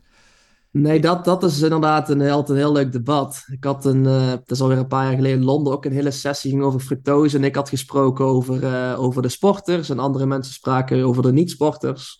En er ligt, eh, die, grens die is er zeker. Ehm, en ik, ik denk om het even heel simpel te zeggen, pak, denk aan fructose als je het inderdaad echt nodig hebt. Als je echt flinke duurinspanning hebt. Zelfs sport, krachtsporters zou ik al zeggen, die hoeven eigenlijk geen fructose per se in te nemen. Niet per se dat het per definitie iets slechts is, maar het is niet per se nodig. Eh, voor alleen die duurinspanning, of die, die mensen die duurinspanning doen op hoge intensiteit voor langere tijd, echt elke week, dan heeft het meerwaarde om dus extra energie te geven aan je, aan je, aan je lichaam. Voor de mensen die regelmatig op de bank liggen en, en dan denken van, oh, ik ga eens even gewoon wat, wat, wat suiker drinken, heeft, ja, is niet nodig. En ik moet er ook al bij zeggen, het is niet zo dat fructose zelf, op zichzelf per se iets slechts is, maar het is vaak als jij in een energieoverschot komt, en dat krijg je dus door meer te eten of meer energie in te nemen met drank of, of voeding ten opzichte van wat jij verbrandt tijdens inspanning. En dat kan zelfs wandelen zijn of wat dan ook. Als jij dus meer energie in je lichaam krijgt dan dat je verbrandt, dat is het probleem. En zeker als je er bovenop extra fructose in gaat nemen, dat, dat, is, dat, dat wil je niet, want dat kan inderdaad worden omgezet naar, naar, naar vet in, in de lever bijvoorbeeld. Ehm, maar dat is inderdaad wel specifiek de context voor de inactievere mensen. Ja. Maar dus er is echt een verschil tussen mensen die flink sporten en dus continu een hele hoge energie eh, turnover als het ware in het lichaam hebben ten opzichte van mensen die dat niet hebben en dus inactief zijn. Oké, is dat beeld van fris, frisdrank op de bank. Hè? Ja. Dat snap je dan nu meteen. Want Ja. eh, frisdrank, veel suiker, veel eh, fructose. ik denk dat het ook wel goed is. We de koolhydraten hebben we weer gehad. Maar Ja. even terug naar de eiwitten. Van, eh, want er worden natuurlijk een hoop claims gemaakt. Je moet dit eiwit nemen. De BCAA hebben we ook een keer behandeld bijvoorbeeld. En jij, eh, ja, hoe zit dat? Is het, maakt het nog uit welk eiwit ik neem? En dan is het misschien leuk dat je ook verha- en- moet ik mijn ei nou eh, rauw of eh, gekookt nemen, eh Kas? Daar heb je ook onderzoek naar gedaan, toch? Ja, absoluut. Ja, dat is de, de, de Rocky-studie, zoals we hem noemen. Ja. Dus misschien voor veel mensen wel bekend in de, de jaren zeventig die de Rocky-film hebben gezien. Dat Rocky op een gegeven moment besloot om rauwe eieren in te nemen. En nou, Rocky had natuurlijk een mooie, eh, goed fysiek. en Voor de jongere kijkers, Rocky was een vechtsportheld met hele grote spierballen, hè? Waar eh, een serie Juist. films van was. zijn vijf films, denk ik. Ja, toch, en toch even ook BCAA is een eh, aflevering hebben we gemaakt over omdat er dat een specifiek eiwit of een supplement zou zijn wat veel in de sportschool gemaakt eh, of eh, gebruikt wordt. Dus eh, vertel verder, Cas, even context. Ja. Ja, ja dus, dus wel, wij wilden eigenlijk onderzoeken. BCA's kan ik, zo ook niet even, heb ik een onderzoek naar gedaan, zal ik zo ook niet even op, eh, op, op, op, op ingaan. Eh, maar voor die Rocky-studie hebben we dus gekeken naar wat is nou, is er nou echt een meerwaarde? Of, of had Rocky nou eigenlijk gelijk door rauwe eieren te nemen? Nou, hij was natuurlijk sneller, want hij hoefde ze niet te koken. Maar had het nou eigenlijk een voordeel of had het juist een nadeel voor hem? Want het, het grappige was, ehm, er is onderzoek uh, later uitgekomen, dat is dus in de jaren eind jaren negentig geweest. Die liet eigenlijk zien als dat je rauwe eieren inneemt ten opzichte van dat je ze kookt, dat je veel minder kunt verteren en eigenlijk opnemen in je lichaam. Dan gaat ongeveer, dus met rauwe eieren, ongeveer 50% van wat jij aan rauwe eieren inneemt, kun je maar opnemen. Waarbij als je ze kookt, is het meer dan 90%. Dus dan ga je bijna richting het bijna totale hoeveelheid die je opneemt. Dus wij waren benieuwd. Nou, had Rocky dan eigenlijk wel gelijk door ze gewoon rauw naar binnen te, te drinken? Want had hij ze niet beter kunnen koken als je ze beter opneemt? Ja. Dus wij wilden kijken als we mensen uh, krachttraining laten doen. En we geven ze dan ofwel rauwe ofwel gekookte eieren. Is er een verschil in het gebruik van die eieren om dus je spiereiwitsynthese weer, om even weer terug te gaan naar die invalshoek van mijn onderzoek. En om hoeveel eieren ging het dan? Ja. En hoeveel proefpersonen kon je hiervoor vinden, Kas? Vijf eieren. Er, uh, ja, vijf eieren. Uh, op zich, ik moet zeggen, ja, best veel mensen die een beetje hè, naar de sportschool gaan, die vonden het natuurlijk ook wel heel cool klinken. Oh, de Rocky-studie uh, willen, willen wel aan meedoen. Goede branding, ja. Dus precies, dat is ook belangrijk. En um, dus, dus we hadden dus gekeken, nou als we dus vijf vrouwen eieren, want dat is precies wat Rocky ook deed, die had er vijf, je zag ze in, in die clips, je ziet er zo'n vijf in zo'n uh, in zo'n zo'n zo'n beker stoppen.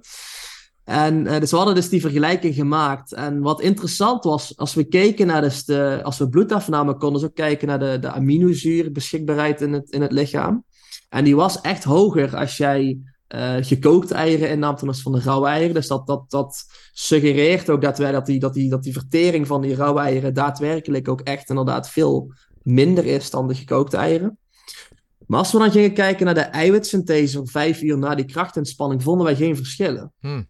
Dus eigenlijk lijkt dat, of eigenlijk liet die data dus zien dat als je in elk geval vijf eieren inneemt, dan maakt het niet zoveel uit of je ze rauw of gekookt inneemt voor het proces van eiwitsynthese. Ja, maar ik wou zeggen, Kas, ik heb altijd geleerd, uh, je mag überhaupt maar drie eieren in de week, maar dat is dan geloof ik weer vanuit uh, cholesterolgevaar. Uh, heb je niet gewoon zwaar ei-overdosis, dus wordt het toch allemaal afgevoerd of je nou 50% of 90% opneemt? Um, zeg, zeg, leg het nog eens uit. Nou, jij zegt ik, ik, zit te denken, je zegt we zagen uiteindelijk in de eiwitsynthese geen verschil. Nee, omdat wellicht als je vijf eieren eet, of die nou voor 50%, namelijk in de rauwe scenario worden opgenomen, voor 90% in het gekookte scenario, het is überhaupt gewoon veel te veel ei, toch? Dus dan... Ja, nou, het, het, was, het was ongeveer zo'n 30 gram eiwit. Dat is ook wat je ongeveer wel vaak ziet en adviseert na, in na oh, krachtinspanning. Uh, maar inderdaad, het, het, is mogelijk. En dat is de vraag die ik nog steeds heb. Stel, we hadden er maar twee gegeven. Ja. Dus je zat rond maybe, of uh, misschien tot 10 tot 15 gram eiwit. Dat het dan misschien wel een, een verschil zou kunnen, kunnen geven. Dat is zeker mogelijk. Want we zien wel vaker, als je dus voldoende eiwit geeft, dan zie je eigenlijk die, dan, dan, dan vallen die verschillen weg ten opzichte van bijvoorbeeld als je eieren kookt of niet kookt, of in dit geval, of, andere factoren die nog een belang kunnen hebben op, uh, op spiereiwitsynthese. Ja. Maar je had niet specifiek die eieren nog gelabeld, hè? Dat was helemaal mooi geweest.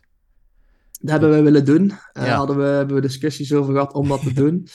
Uh, maar dat was uh, niet per se de hoofdvraag van nee. ons onderzoek. Plus het maakte het veel duurder, het maakte het veel gecompliceerder om die eieren te krijgen. Ja. Dus we hadden eerst even, laten we eerst gewoon kijken wat gebeurt er op eiwitsynthese, want dat was onze primaire ja. vraag die we ja. hadden. En potentieel vervolgens kunnen we nog gaan kijken als we een keer eieren gaan labelen, um, om daar nog wat meer onderzoek naar te doen. Dat is wel heb, heb je nog ook gemeten wat uh, de subjectieve beleving van je proefpersonen was? Vonden mensen het lekker om rauwe eieren weg te eten? Het uh, viel mij niet tegen, moet ik zeggen. Als ik het vroeger Je hebt het zelf ook gedaan. Keek, nou, ik, nou ja, ik heb het, dat is het punt. Het viel mij niet tegen hoe de proefpersonen erop reageerden. Want ik heb het zelf ook gedaan. En dat was wel grappig. Er kwam er laatst uh, tijdens mijn promotiefeestje van collega's hadden nog een filmpje gevonden. Waar ik dus ook weer voor die studie. Ik doe vaak alles piloten voor de ja, studie om te ah, kijken ja. hoe, het, hoe ik het zelf ervaar. En ja, ik moest bijna overgeven toen ik, uh, toen ja. ik ze... Uh, ik zat echt gewoon te kokhalzen boven de, boven de, boven de wasbak. eieren. Wah! En um, dus, dus ik was best verbaasd en ook wel impressed uh, dat sommigen daar zo weinig moeite mee hadden. Ik had vroeger wel eens ook twee eieren voor de grap dan. Dan ging je naar, met, met vrienden ergens een weekendje weg en dan ga je pakken rauwe eieren. Dat ging prima, maar die vijf tegelijk met ook nog eens de het eigeel wat nog intact was, dat, dat kreeg ik niet weg. Nee. Ja. Nee, het, zal, het zal wel een generatie zijn, maar dat heb ik echt nog nooit gedaan. Ik heb wel? Nee. gestapt, maar eh, Ik, eh, nou een ik koud zit- ik moet denken aan een, vaag shotje, geloof ik, wat je wel eens Ja. tegenkomt. Toch? Maar Ja. goed, dat is een heel ander onderwerp. Hey, Heel maar, eh, hoe- in elk geval. ja, hoe is dit nieuws ontvangen in de, in de sportscholen? En eh, misschien heb je Rocky zelf of Sylvester wachten. nog... Eh, nog één stap terug, want bericht? dan we gaan ook gedurende kijkend op de klok een beetje afronden. Je hebt nog een bonnetje openstaan. Je zei BCAA, Mhm. zal ik zo ook even over hebben. Doe dat nog even en dan ronden we af naar Ja. hoe er gereageerd is in de sportscholen. Wat heb je gevonden over Ehm, BCAA? Nou, wat jullie terecht zeiden, BCA's is inderdaad een supplement dat je heel veel in de, in de, de, de, de schappen ziet liggen, zeker bij sportsupplementwinkels, et cetera. Dus heel veel sporters gebruiken BCA's om, om hun herstel te bevorderen, bijvoorbeeld. Eh, dus wij waren ook benieuwd. Nou, BCA's zijn eigenlijk drie specifieke aminozuren die heel, eigenlijk heel veel voorkomend zijn in, in onze spieren. Maar die, die drie zitten ook in de eiwitten. Dus je hebt die eigenlijk al als jij een eiwitdrank of, of maaltijd inneemt. Dus wij wilden kijken, nou, hoe goed is nou eigenlijk zo'n BCA als je dat gewoon vergelijkt met bijvoorbeeld in, in ons geval, wat we hadden onderzocht, melkeiwit. Dus we hadden gewoon melkeiwitpoeder, eh de soort van eiwitshake die je in de supermarkt of, ja, supermarkt of Ja. sportwinkels kunt kopen. En wat we vonden is dat als jij eh, gewoon, gewoon simpel, heel simpel hadden onderzocht, eiwitsynthese gemeten en gewoon of BCA's gegeven of die melkeiwit. En wat we vonden is dat jij twee uur na inname van die dranken zie jij inderdaad dezelfde stijging in een, een spiereiwitsynthese, of dezelfde verhoging van die snelheid. Eh, maar als je over vijf uur kijkt, dan was die nog steeds verhoogd in de groep die de melkeiwit innam, maar niet in de groep die de BCA's innam. Hmm. Dus eigenlijk, als jij BCA's vergelijkt met een eiwitrijk product, zie ik daar geen meerwaarde in voor, de, voor het herstelfase om dus zodoende je eiwitsynthese te verhogen. Want een melk, voor melkeiwit of een eiwitproduct is daar, doet, het, doet het eigenlijk gewoon beter. Jij zegt geen meerwaarde. Ik durf wel te zeggen, het is toch gewoon een negatief effect als je bij het ene product na vijf uur nog wel een proces aan de gang ziet en bij het andere product niet meer. Ja, zo kun je het ook zien. Ja, ik- geen meerwaarde is misschien. eh, er- ik zeg geen meerwaarde, want het, het is niet per se negatief. Want je, maar het, het is wel. Het eiwit doet het wel nog steeds. Om het zo maar te het verhoogt Ja. nog steeds. En de BCA's niet meer na, Precies, na dat die bedoel twee ik. Ja, uur. Ja. oké. Ja, nee, dat klopt. Hey, Ja. En dan die vraag van Jurgen. Deze bevindingen. Stap maar uit je koude Ja, bad. Eh, ga maar koolhydraten eten in plaats van eiwitten. Als je het nou toch over timing wil hebben. En ook dit laatste. Joh, die BCA. Leuke marketing hype. Maar eh, eigenlijk geen prestatiebevorderend effect. Hoe wordt er gereageerd op jouw onderzoeksbevindingen?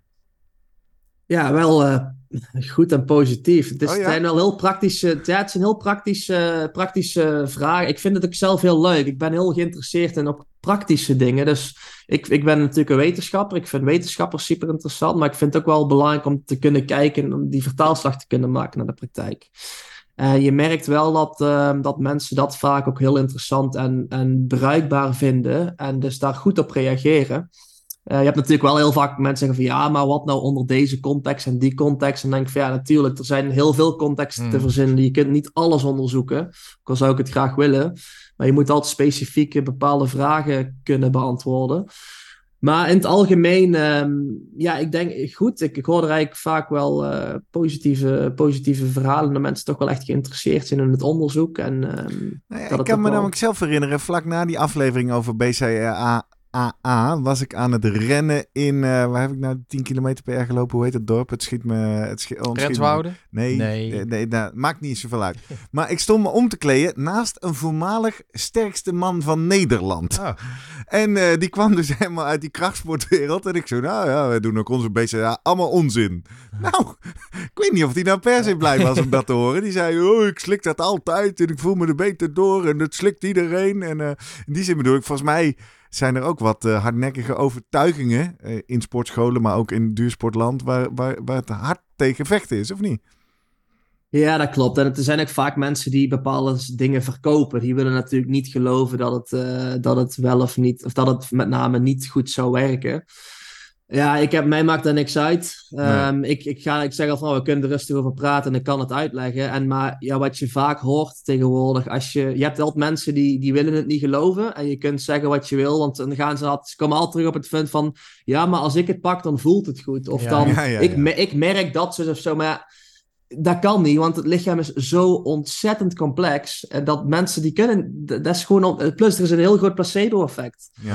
Ik ken Dus- zo iemand die zo omgaat met magnesiumpillen. Heb je dat wel zo- Ja, om eens wat te noemen. Om eens Dus- wat te noemen. Ja. Ja. Ik vind Maar- het al prima met mensen in gesprek te gaan, maar wel als ze er open in staan en Ja. gewoon willen luisteren. En dan vind ik het ook prima om. Ik, ik zeg niet dat ik alle waarheid in pacht heb. Ik vind het gewoon leuk om erover te praten. En ik ben ook benieuwd naar andere mensen hun ervaringen, et cetera. Maar heel veel mensen zijn gewoon een beetje vastgeroest in bepaalde ideeën van het, het- dit is hoe het is, want ik heb het altijd zo gedaan en zo heb ik het ooit van iemand gehoord. En ik heb spieren opgebouwd. Maar dan denk ik van ja, maar je hebt spieren opgebouwd ook omdat je krachttraining hebt gedaan, eiwit hebt genomen en voor sommige gevallen zelfs ook nog externe andere soort van supplementen, zou ik maar even noemen, zoals steroïden Mhm. hebben gebruikt. Verwijs Dus, naar de ehm, doping specials aan het begin Ja. van eh, seizoen 3. Ja, precies. Maar Cas, jij bent, bent zelf ook een sporter?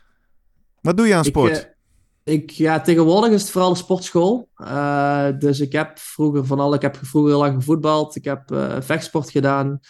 Ehm, ik heb daarna op een gegeven moment wel met name ja, ben ik naar de sportschool gegaan. Eh, gewoon krachttraining. En heeft er eigenlijk mee te maken dat ik dan nog kan gaan en staan wanneer ik wil. Dus ik, had, ik heb ook studies gedaan waarbij je bijvoorbeeld de hele nacht eh, bezig bent. Of dat je s'avonds wat laat bezig bent. En ik had op een gegeven moment geen zin meer om te zeggen van ik, eh, ik moet mijn training weer afbellen of zo. Omdat ik niet kan komen. Ik denk van ik ga gewoon sporten wanneer het mij uitkomt op mijn tijd. En eh, dus sindsdien ben ik eigenlijk met name in de sportschool te vinden. En dan neem het gewoon je bidonnetje mee met je opgeloste suikerklontjes. En, eh, En een Ja, beetje eigenlijk-. Eigenlijk gebruik ik al heel lang helemaal geen supplementen. Ja. Dus eh, het, wil niet, het wil niet zijn dat er geen... Niet, ik zat nou te denken om misschien binnenkort weer eens creatine te pakken. Eh, Wat? ik heb... creatine. Sorry? Ja, Hè? kunnen we het ook maar eens even een keer over creatine pakken. Ja, moeten we Ja. misschien maar eens een keer een andere Ja. aflevering over maken. Ja. Ik ben er wel benieuwd over de toekomst, eh, Cas. Want wij praten met jou, want je bent gepromoveerd. Dit was jouw promotieonderzoek. Diverse papers die eruit komen. Eh, en nu ga je door als onderzoek, eh, onderzoeker wetenschapper. Ga je bij een eh, sportteam werken. Wat, wat, is, eh, wat, wat kunnen we van je verwachten in de toekomst? Op dit moment ben ik, ga ik door als wetenschapper. Ik ben nog steeds in Maastricht bezig. Eh, dus ik ben eigenlijk deels wetenschapper en deels eh, onderwijzer. Dus ik geef ook les aan de studenten, de, de, de bachelor en met name de masterstudenten die, die specifiek komen voor de sportvoedingsmaster die wij in Maastricht hebben. Mhm. Dus daar geef ik veel les. Dus ook heel veel rondom koolhydraten en eiwitmetabolisme. Ehm, en op het gebied van onderzoek, eh, we hebben het nog niet eens over gehad, maar ik heb ook een studie gedaan naar een warmwaterbad. Dus Ja. wat daar nou het effect van is. Daar zijn we nou ook wat meer op in aan het zetten van wat, wat doet nou hitte nou eigenlijk op onze spieren. Dus daar zijn we nu mee bezig met, eh, met sauna bijvoorbeeld, om te kijken wat is het effect van sauna op de spieren. Ik heb En- de resultaten nog niet, dus ik kan er nu ook heel weinig over zeggen. maar we, zijn aan het voorsorteren op een deel 2, hè? Dat hoor je. Ja. Ja, perfect.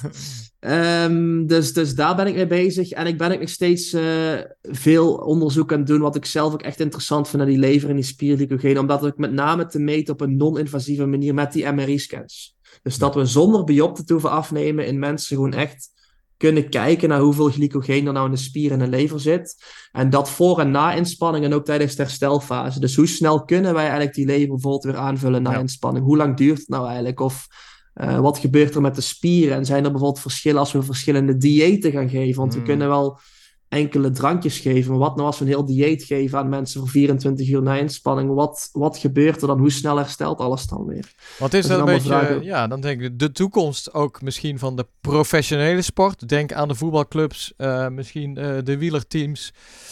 Dat zij hun eigen MRI gaan hebben en met daarna andere manieren, misschien echo's, noem maar op, om inderdaad te kunnen scannen van hoe zit het met mijn glycogeenvoorraden, hoe zit het met mijn spierenopbouw, dat het op een non-invasieve manier gaat lukken in de, in de toekomst. En dan dat je ja, echt maatwerk kan gaan bieden aan, aan sporters. Zie jij daar een ja, de, de toekomst?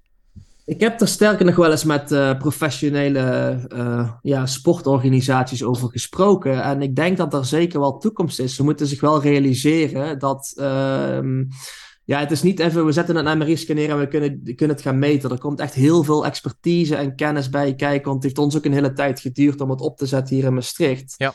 Uh, maar het is zeker een mogelijkheid. En als het, het is ook wel heel duur, dus er moet natuurlijk wel financieel uh, geïnvesteerd in willen worden. Ook om het, die metingen überhaupt uit te voeren als je ze intern hebt staan. Uh, maar ja, kijk, je kunt, je kunt dan wel echt, en zeker wat MRI, ik gebruik MRI ook nog, ja, ik heb, we hebben nog heel veel dingen niet eens besproken, maar ik gebruik MRI ook heel erg om met lichaamssamenstelling zaken te, te bepalen. Wat ook heel belangrijk is voor sporters. Dus hoe kun je nou lichaamssamenstelling optimaliseren en hoe kun je dat goed meten?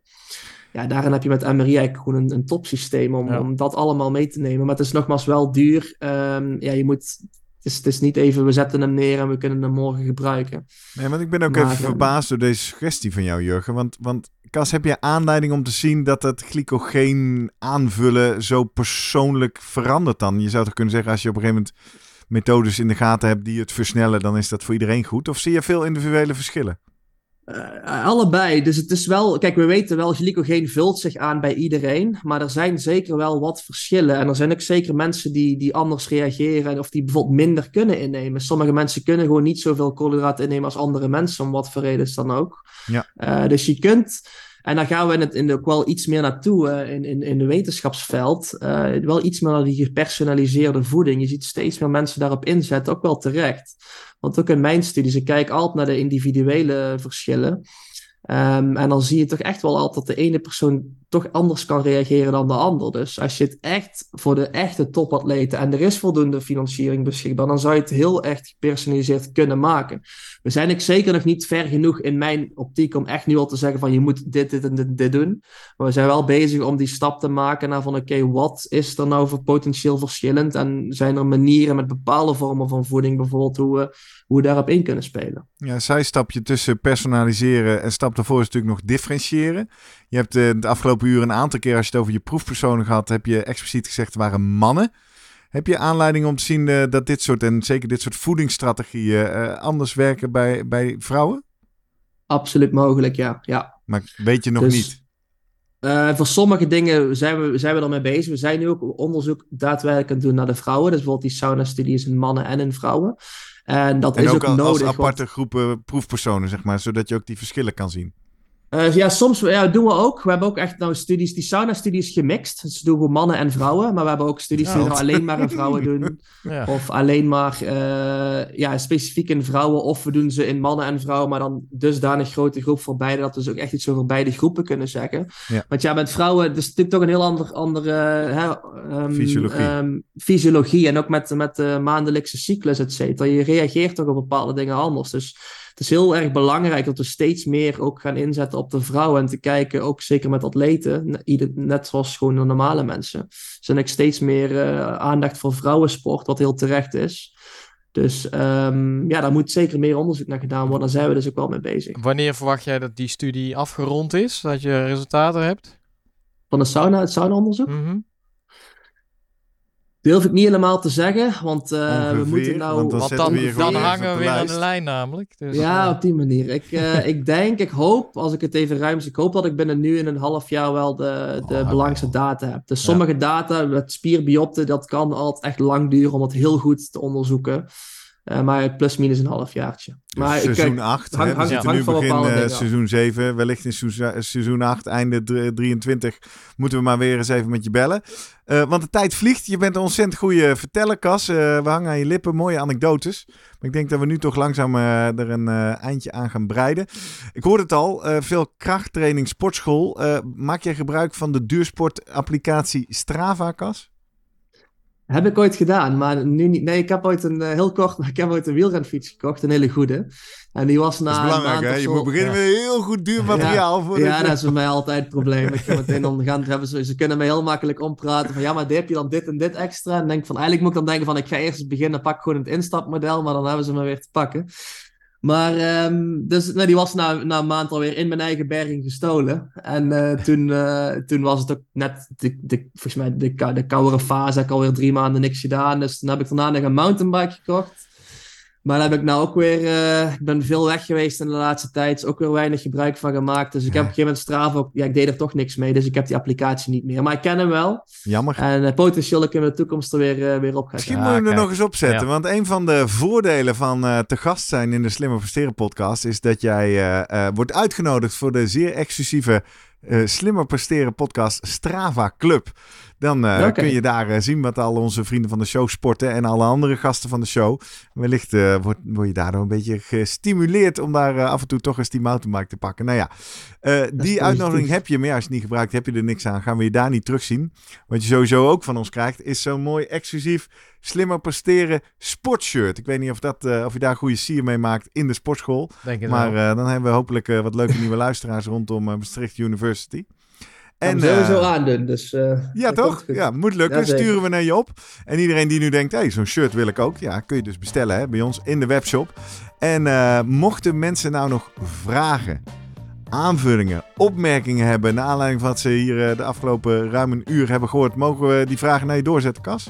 Absoluut. Nou, Ja. mooi. Dan zal ik ze eens even uitleggen hoe je die vragen bij ons krijgt. Dat kan op een aantal manieren. Wij zijn te vinden op social media, op Instagram, op LinkedIn. En ook nog een beetje op Twitter zijn we de Slimme Podcast. Daar vind je van iedere aflevering een eigen post. Daar kun je onder reageren. Die kun je doordelen. Die kun je doorsturen naar mensen voor wie dat interessant is. Eh, je kan ook naar onze website www.slimmerpodcast.nl. Daar vind je van deze aflevering een eigen pagina. Die kun je heel handig door WhatsAppen naar eh, nou ja, al jouw vrienden op de universiteit, eh, Cas natuurlijk. Of naar je studenten die wellicht dit ook nog een keer willen horen. Of die nog moeten kiezen voor jouw vak sportvoeding. Nou, een mooie promo denk ik, want razend interessant. Of je kan ons ook mailen met jouw vraag voor Cas Voegs. Dat is op post.slimmerpodcast.nl. En eh, wij lezen alle mails altijd. Eh, als het een specifieke vraag is voor Cas, dan zetten we meteen door. Als jij zelf een vraag hebt of een suggestie voor een onderwerp, dan eh, komt dat op de lijst. En dan kan het soms even duren voordat je antwoord hebt. Maar we zien het allemaal, dus doe dat vooral. Daarmee komen we aan het eind van deze mooie, boeiende, interessante Zeker. aflevering. Dankjewel voor je tijd, Cas. Dank je, Cas. Het was heel leuk om weer te zijn, eh, mannen. Dus eh, Ja. ja, Super. Top. Jurgen, dank eh, voor het scouten van deze jonge, Ja. enthousiaste wetenschapper. Mooi, en eh, kijk uit naar morgen, of naar meer. En ik spreek jou volgende week. Ja. Tot volgende week. Hoi.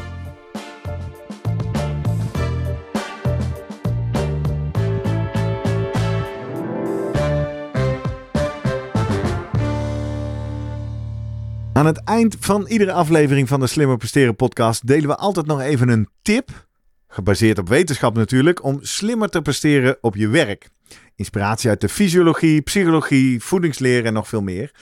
In dit geval, Jurgen, eh, zo'n lange dag op kantoor of eh, in mijn wereld op zo'n congres, Ja. dan wil je toch langzaam wel eens inkakken. We hebben het al wel eens de tip gehad om eh, af en toe de trap op te sprinten. Wat kunnen we nog meer doen?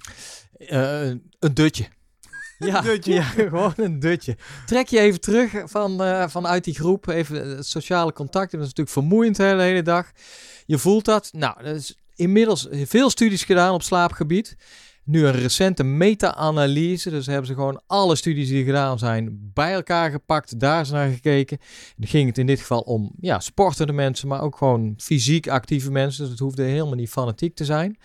En er bleek uiteindelijk dat zelfs gewoon een, een dutje smiddags van 30 tot 60 minuten. Dat gaf en fysiek en mentaal al dusdanig een opkikker dat deze mensen echt beter presteerden daarna. En dit is dus eigenlijk wel iets langer dan de befaamde powernap waar we het Ja. al wel eens over gehad Ja. hebben. Het klinkt meer als een Spaanse siesta. Ja, Nou, nou, niks mis mee toch? klinkt goed. Olé!